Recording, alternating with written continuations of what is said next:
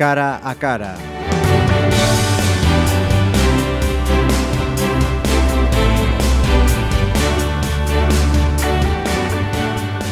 Arrancamos este cara a cara que hoy va a ser a tres bandas. ¿Por qué? Pues porque mm, queremos eh, que dos de sus eh, directivos eh, nos expliquen, nos cuenten, expongan no solamente el caso concreto de la entidad de la que ellos son representantes, el Cineclub de Bueu, sino hablar, pues eso, de cineclubes, cómo nacieron, eh, a qué dificultades se enfrentan estos valientes que nos ofrecen esta oferta cultural. Alba Sotelo y Joan Pastoriza. Bienvenidos los dos. Buenas tardes. Unos valientes, lo primero, para sacar una iniciativa de estas eh, adelante, que mm, hay que decir que, que son, es una, son entidades veteranas, ¿no? Eh, los cineclubes surgieron aquí en España, allá por los años 30, con la República. Cuando entramos en los años 50, mmm, fueron creciendo. En los años 60, la década de los 60, se considera que fue la edad de oro de, de los eh, cineclubes y a partir de ahí han ido poquito a poco en declive. En los 70 entra esa crisis de, de las salas de exhibición pues, por la competencia de las televisiones, de las salas comerciales, algo que ya en los 80 ya fue muchísimo más más evidente. Aquí en Pontevedra, el primer eh, cineclub se creó en 1954. Hay una federación de cineclubes en Galicia a la que pertenecéis. Este vuestro Cineclub Bueu eh, existe desde el 99, pero mm, está dando fases, pasitos, renovaciones y vosotros creo que Estáis ahora mismo en la última de ellas, ¿no? Sí, o ano pasado iniciamos unha, unha nova etapa, saltar de, das proxeccións eh, semanais dos Benres, con cine foi un repaso durante 17 anos, un repaso da historia do cine, eran sobre todo películas clásicas, eh, e agora pas, proxectamos unha vez ao mes, o primeiro sábado de cada mes, eh, cine máis actual, cine independente, eh, fora un pouco xa dos grandes títulos que se poden ver nas salas comerciais que se dedican tamén ao cine de autor, non? Uh -huh. Eh, porque mm, quería preguntaros, eh, yo veía eh, estos días cuando estaba recopilando datos sobre los eh, cine, cineclubes, eh, me, me parece que voy a buscar otra palabra porque cine. tengo yo la tarde con el cineclub. Cineclube. Un, dos, tres, repito. Ahí. que eh, hai que cumprir unha serie de, de requisitos, non? Cales son estes eh, momentos? Eh, digamos que, por exemplo, un dos grandes retos ou desafíos de, dun cineclube é como... Eh, como eh, poñerte en contacto coas distribuidoras, como eh, facer que todo isto sexa completamente legal e a vez económico. Eh, a verdade é que é un proceso bastante complexo e a nos nos, nos levou leva moito tempo de investigación, a información non, non é asequible, eh, e quizáis eh, parte do concepto das pantallas municipais que, que tamén é un concepto que, que está barallando agora o Agadic en distintos programas como, como o programa Cinemas de Galicia uh -huh. eh, e o que se intenta eh, por en valor esas, esas pantallas que hai nos, nos povos, en todos os auditorios ou, ou centros sociais. O que pasa é que é complicado, é farragoso, digamos que ti para como cineclube, só para acceder a información de como presentar e tal, leva moito tempo e aí sí que é moi importante a labor da, da federación, que a que pon en contacto, digamos, os cineclubes coas distribuidoras e intenta conseguir un mellor uh precio, porque quizáis tamén un dos grans, un dos grandes hándicaps se, se os prezos, que para un cineclube pequeniño é moi difícil asumir o, o prezo de, de dereitos de dunha película e, e, e sobrevivir. entonces bueno, aí está, aí está a pelea. É importante para iso que a xente veña aos cineclubes e que existan moitos socios tamén. A figura do socio é moi importante. Uh -huh. E, e que resulta máis complicado eh, ter feito a parte legal uh -huh. ou dar cumplida a parte económica. Eh, vai un pouco da man, o sea, o traballo realmente noso e a función do cineclub está na programación, en, en eh, proxectar esas películas, ese, amosar eses temas, pero despois nos vemos coa realidade que temos que xestionar todos eses dereitos. Hai películas que non teñen distribución ou non teñen, eh, por exemplo, nós somos dos poucos cineclubes que proxectamos en versión dobrada e en versión original. Uh -huh. eh, entón temos que eh, ensamblar un pouco todo iso, esa programación desesada que queremos nós coa realidade que, que, que nos ofrece un pouco a, a Federación en canto a dereitos, distribución, eh, disposición de, dos materiais, non? porque hai películas que non chegan a editarse en España en DVD, en Blu-ray, e nós non temos un, un proxector digital como poda ter unha, unha sala comercial. Estamos falando dunha vila Bueu de 12.000 habitantes, non uh -huh. chega a 13.000, eh, cubrir eh, os gastos dunha película con un mínimo de, de cartelería máis a, os dereitos da película estamos falando de chegar a 90, 100 espectadores eh, claro. para, para unha cidade como Pontevedra o Cineclub de Pontevedra aparte que ser un dos máis bellos da provincia e de Galicia eh, vivos dos uh -huh. cineclubes que todavía siguen dende o inicio en, en toda a península pois unha cidade de 90.000 90 habitantes en Pontevedra, por aí anda, Ainda, chegar sí. a 100, 120, 150 persoas no teatro principal, eh, creo que bastante máis doado, é moito traballo, pero para nós unha vila como a UEU chegar a 60, 70 que estamos eh, acadando nas últimas proxeccións uh -huh. é un todo un desafío, e ainda estamos aí Por iso intentamos tamén, pois, eh, todos os cineclubes temos que facer un grande esforzo en publicidade, nos mesmos pola rúa, a perra, partimos cartéis por onde podemos, nas redes, nos curramos uns post, eh, unhas mm. cousas uh -huh. para chamar a atención, para que veña xente, pero eh, tamén legalizarte permite iso, é moi importante, porque se estás máis clandestinamente ti non podes anunciarte. Claro. E logo tamén uh -huh. apuntando outra cousa que, que dicía Xoan, eh, mm, se me cadeira, la olla. eh, o tema das persoas que, que acuden, os sí, costes... Sí, sí. Bueno, es, no... se perdeu un pouco tamén o, sí. o tema de, de ir ao cine, non? O sea, en Bueu, por exemplo, chegamos a ter tres salas, eh, cantos cines había en Pontevedra? En Bueu chegamos a ver a ter tres cines. Claro. Eh, entón se foi perdendo un pouco iso, as novas, as novas tecnoloxías. Uh -huh. A xente, pois, o ven a casa... Uh -huh Porque eh, agora mesmo eh, hai eh, unha proxección ao mes, non? Sí, sí e de feito... Es esta nova, mm. perdón, esta nova ataca, perdón, que estabas moi apaixonados con, con todo ese tema. Eh, Nos nos damos conta que facendo só unha proxección ao mes non logramos fidelizar porque pasa moito tempo entre unha película e outra. Uh -huh. Entón O novo reto, o grande reto para nós que queremos ter este ano é ter dúas proxeccións ao mes, na primeira e na terceira semana. Actualmente está o sábado, o primeiro sábado de cada mes, pero ahora queremos mover a terceira semana. E máis na terceira semana facer algo máis dinámico. Por exemplo, unha das solucións a, a toda esta problemática pois facer presentacións de cousas que se fagan máis por aquí, que veñan os autores facer mesas redondas ou uh -huh. ciclos de cine sobre un director e facer, digamos que na terceira semana facer algo máis dinámico que poda tamén ter máis participación da xente.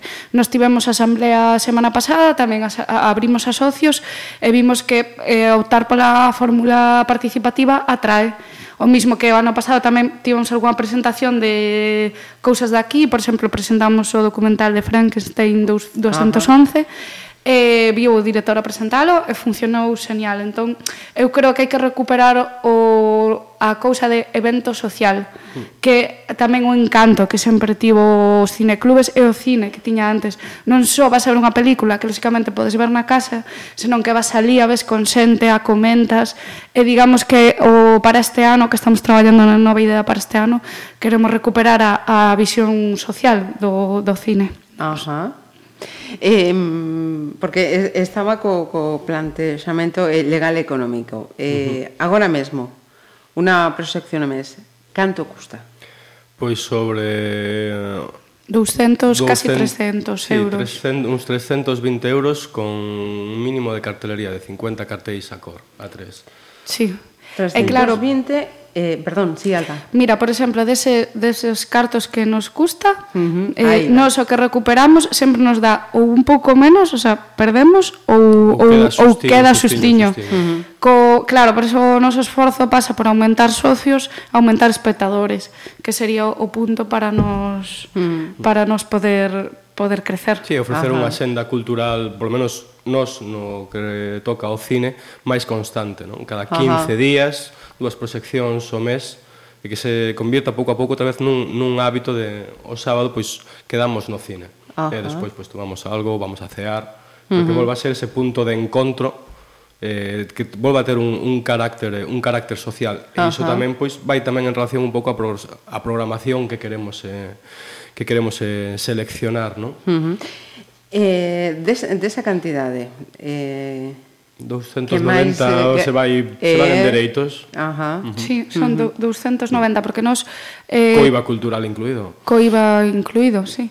Nos... Iso non é nada, home. Iso é un 21%. 40-50 euros. E eh, claro, no? ah, eh, outra das grandes outra dos grandes temas problemáticas que quería apuntar antes que, que como ben dixen se me foi a olla é que hai un problema, é que todas estas películas, bueno, non es porque xa vai no, no noso espírito, que é cine independente europeo, pero se ti, por exemplo, que acceder a unha película dunha maior, da Warner ou de tal, uh -huh. é imposible, teñen vetado os cineclubes as pantallas municipais, só proxetan en cines comerciais, e tamén cal é unha... Ti, por exemplo, moita xente ten esa dúbida, pero por que ti vas a un cine comercial e hai sempre todo este tipo de películas? Por que non hai outro tipo de películas?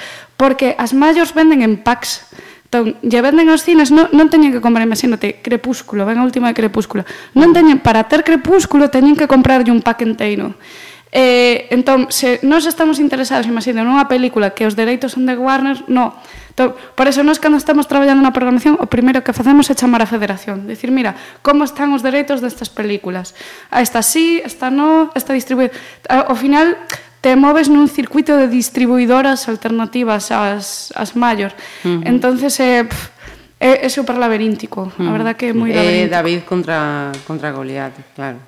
Sí. imagino, ¿no? Eles querrán eh, vender eh, eh, o produto A, B, C, D...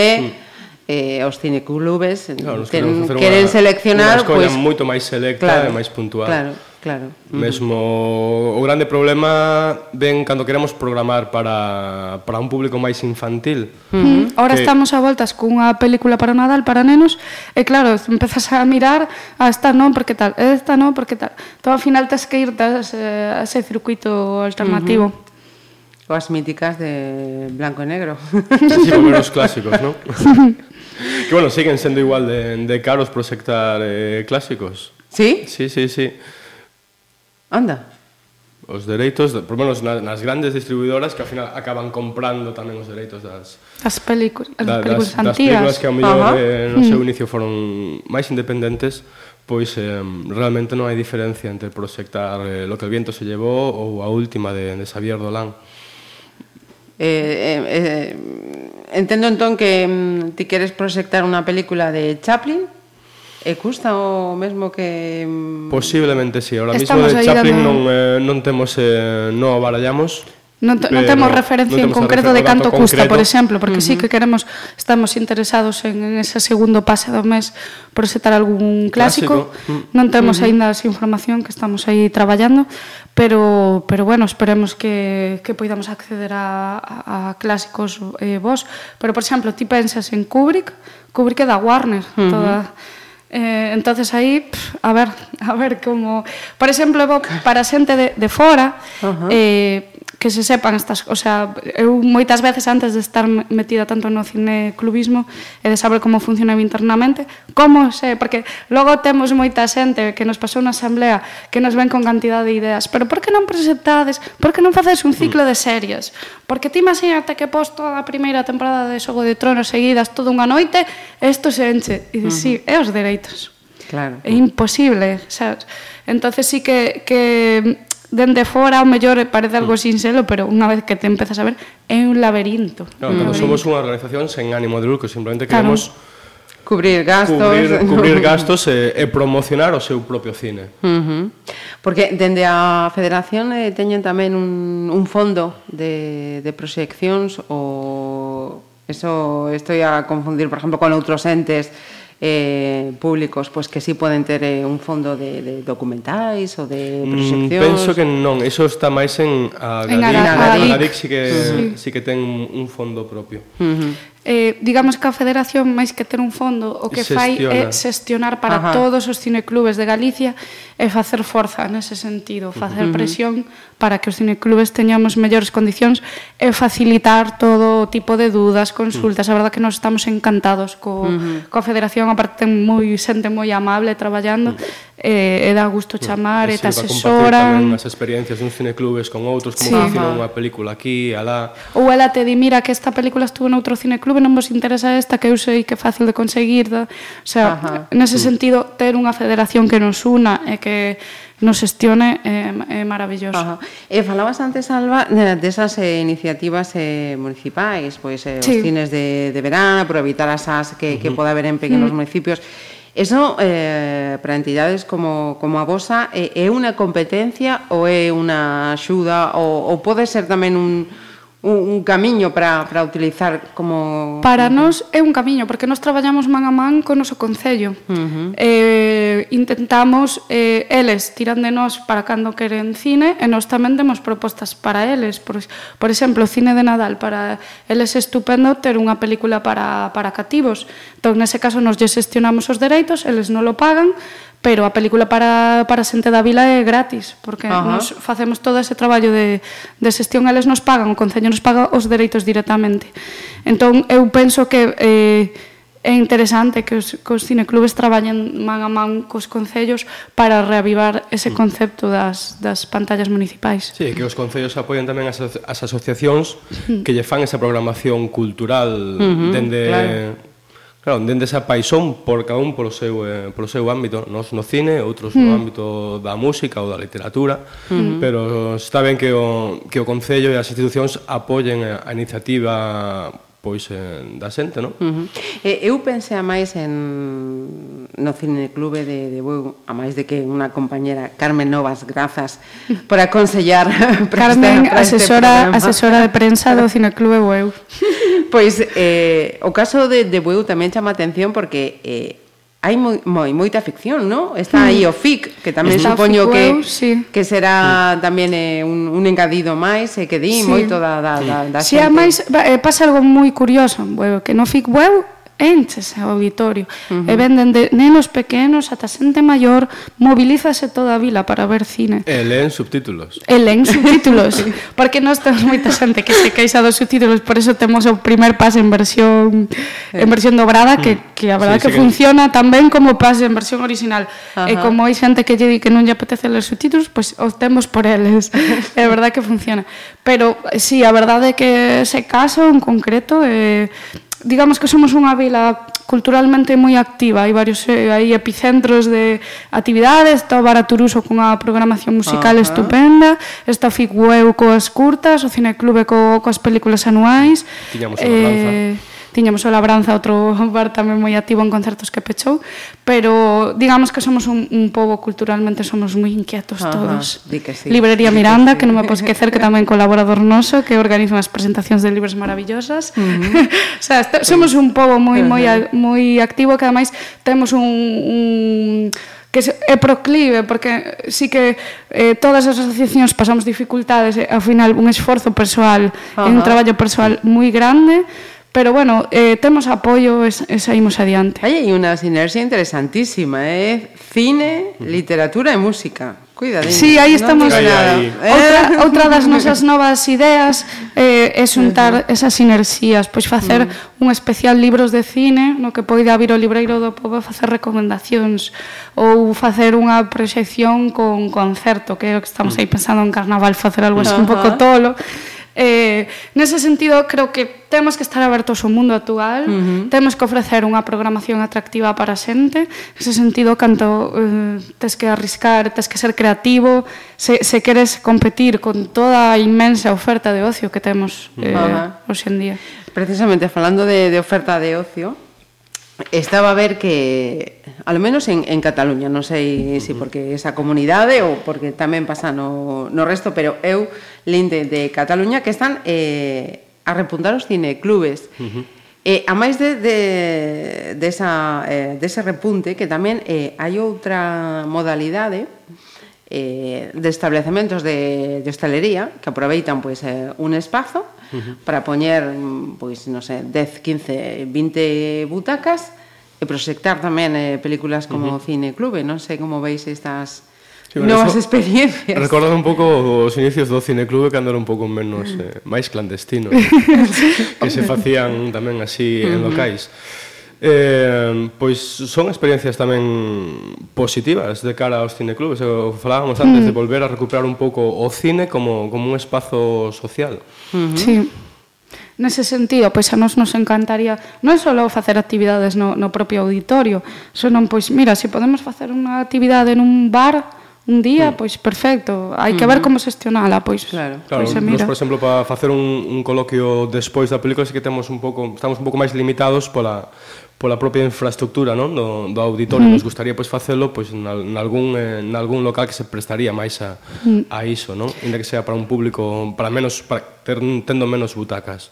Xa fixemos tamén este ano pasado un convenio, por exemplo, cun, cun restaurante de Bou que se chama Noite de Tapas, eh, o que fixemos foi co prezo da entrada Eh, bueno, explicas ao mellor que estas cousas sí, sempre a plan C lle chamamos que era cine máis CEA en plan, ah. como é as 10 da noite pois para que ti o sair te mm. podes ir a cear a ese bar cun precio especial cun menú mm. especial de cine digamos uh -huh. e funcionou ben sí, vai, vai funcionando mm. Mm. Tedes ¿eh? ideas, vamos. Si, sí, ideas temos sí, o que revolucionar. O que nos...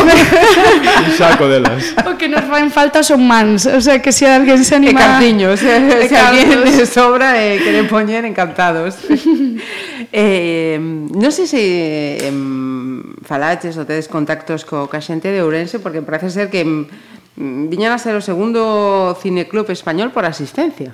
É o cineclub de de Ourense, o Padre Ajá. Feijón. Sí, porque creo que proxectan dúas a semana. Uh -huh. Mama. Eh, de feito, Feciga está, está en Ourense. Eh, sí, teño unha actividade, bueno, teño unha senda, creo que é o único, o único cine clube que realmente ten unha porrada de beneficio. Uh -huh. Teremos que ir por ali a mm. tomar un licor café, castaños eh. e que nos conte os seus segredos. Claro, sí que un pouco de que sí que teño unha programación moito máis continuada e máis intensiva. Claro. Uh -huh o mellor non repiten, nós vémolo tamén en, en Bueu, que en desas 70 personas que todos os meses veñen, repiten 20, 30, uh -huh. e hai sempre cada mes 40, 50 personas que veñen por primeira vez eh, uh -huh. o, o mm. cineclube, non? Ou viñeron fai seis meses, o sea, eso que che permite unha, unha programación máis continuada e, e tocar sempre a máis xente, non? Eh, hai un perfil de, de esas 70 personas, hai un perfil de tipo Pois no, desde os moi variada. 20 poucos hasta os 70, 80. Ah, sí. Uh -huh. sí. De feito, temos esos, pois xente moi nova, xente máis maior. Eh, por, por exemplo, imita xente maior interesada en saber que pasa no cine actual. Uh -huh. eh, por exemplo, temos un cada máis histórico do Cine Clube Afonso que que estivo na xunta directiva fai moito tempo e agora xa se quitou porque diba, eh, quero deixar vos os novos porque xa estou canso, quero vir a disfrutar, non quero organizar nada. E, por exemplo, ele é un asiduo, lle encanta ver eh, películas Ajá. modernas e... Uh -huh e vamos, e, e tamén xente nova e de xente mediana idade, o sea, temos todos E para aqueles que, que aínda non sean desto de, de cine independente do, do cine novo, eh, hai que tener unha formación especial, unha apertura no. especial ou animamos a no, todo o mundo que... que unha cousa importante é romper co, co a idea Tópico, de cine club, sí. como que coñazo vi cine de autor, e, eh, e eh, pois a Berman aí, eh, no, eh, no, nós tamén temos como programadores a, ás veces tes unha visión comercial, de dicir, Tampouco non todo o cine independente é bo, non todo o cine comercial é bo.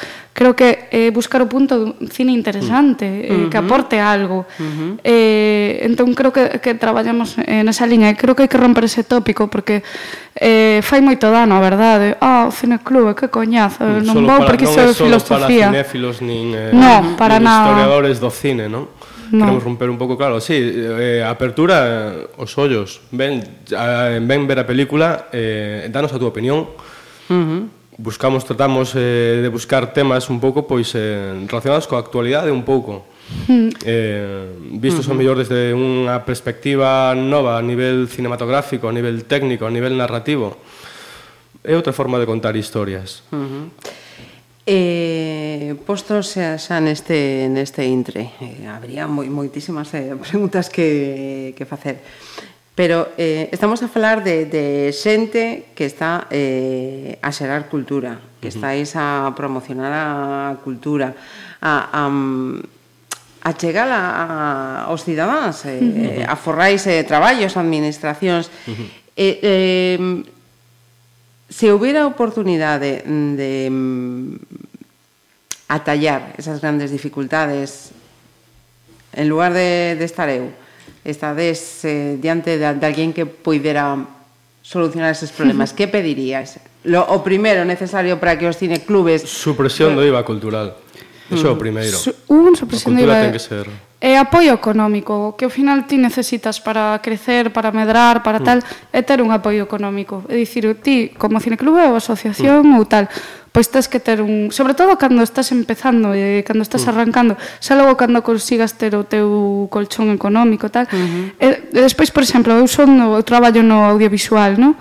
Eh, miro eh, moitísimo, hai subvencións á produción, hai moitísimas subvencións á produción, pero un dos grandes temas é subvencións á distribución, porque é eh, nós como, como cineclub hai un, como un techo de cristal. Uh -huh. As películas non chegan ao público. Entón creo que eh, a, a política de subvencións debería ser eh, ter máis miras, é dicir, pois mira, vamos a crear de verdade un cinco, como pode ser Cinemas de Galicia de Agadic, é un programa que fai que en, que en cada escolle varios concellos galegos, pero que neste caso só hai sete concellos en toda Galicia, uh -huh. me parece que o número exacto é sete. Pois dicir, que amplíen o número, que amplíen ese programa, que cheguen a tos, os concellos de Galicia cine galego, uh -huh. porque a xente está deseando mirar as cousas que se claro. en Galicia. Uh -huh. Eh, entón eu penso que o apoio non é un apoio de dar unha palmadiña na espalda, que está moi ben, sino que haxe un apoio económico ás asociacións. Uh -huh e que rompan de unha vez por todas ese lobby do, do cine, no? que sí. é o que está tamén a hacer moito dano no propio uh -huh. sector. Unha cosa que quería apuntar antes é, por exemplo, o modelo do cinema francés, que do, dentro do cine europeo é dos que esme, o, o que mellor funciona, é uh -huh. o que mellor loita contra esa, esa endogamia das maiores eh, non sei agora dicirte exactamente técnicamente como é, pero os franceses consiguen que o seu cine chegue a Francia e chegue a todo o mundo. Foron os creadores dos cineclubes sí, de feito. Sí, é que eh, entón pois mira, aprendamos, aprendamos uh -huh. deles. Sí, a invertir en cultura, a invertir na, na nosa sociedade. Sí, efectivamente. Efectivamente. Pois antes de rematar, a próxima película A próxima película será un, un documental de O Sal da Terra, de Wim Wenders, Ajá. eh, co outro co-director, eh, non me acordo o nome, que Ribeiro, que o fillo, eh, o fillo. trata sobre Sebastián Salgado, Ajá. o coñecido fotógrafo, e o seu fillo tamén codirixe xunto a Wim Wenders, que xa o coñecemos de París, Texas, El cielo sobre Berlín, o amigo americano e despois eh, cando a súa carreira un pouco na ficción pois foi un pouco a menos resurdiu no documental coñecemos tamén de Buena Vista Social Club uh -huh. e de uh -huh. o último creo que foi Pina sobre a bailarina Pina, precioso, ah, sí. Uh -huh. eh. Pois bueno, vemos aí un un filme que narra un pouco a, a carreira, non? Esas catro décadas de Sebastián Salgado alrededor de todo o mundo retratando pois un pouco a historia recente, non? da, do planeta, non vou dicir só humanidade porque tamén reflexa tamén aquel movimento sen terra de, uh -huh. sí, sí, sí, sí. E tamén queremos ter unha programación variada, pois agora nos apetecía programar sí, dende, un documental. Dende Frankenstein non volvemos non volvemos poñer unha, pois intentamos que vacar a mesa a distintos, un documental, unha comedia, logo un drama ir dando aí pequenas pinceladas. De todo. Uh -huh. E temos iso, ese documental maravilloso sí, para... que goza de velo en pantalla grande que decimos que sí. o cine para temos... ver na casa na ver na casa, pois pues, un día que chove non se apetece sair sí. pero Ou, ou a veces que eu teño amigos que ven no móvil as series, pero como ves nesa pequena ¿Cómo? pantalliña, sí, ven películas no móvil. eh, e nós temos agora un proxector novo que gracias ao FIXE cambiou este ano en alta definición e vai ser unha pasada poder ver ese, ese documental. E unha entón. pantalla máis grande. Sí. Sábado 5 de decembro. Imos decir o lugar Centro... que a xente que aínda non vaya se Centro Social do Mar de Bueu Centro Social do Mar, que ali en fronte ao mar, como uh -huh. Non indica, sí. como todo en Bueu e, e temos un pase pase en versión doblada a sete e media en versión original ás dez da noite uh -huh. Pois Joan e Alba Eh, grazas por estar eh, con nos hoxe. Gracias, gracias a, a vos, e nos compañeiros. Será a última. Aviso. bueno, Aquí estaremos. Volveremos.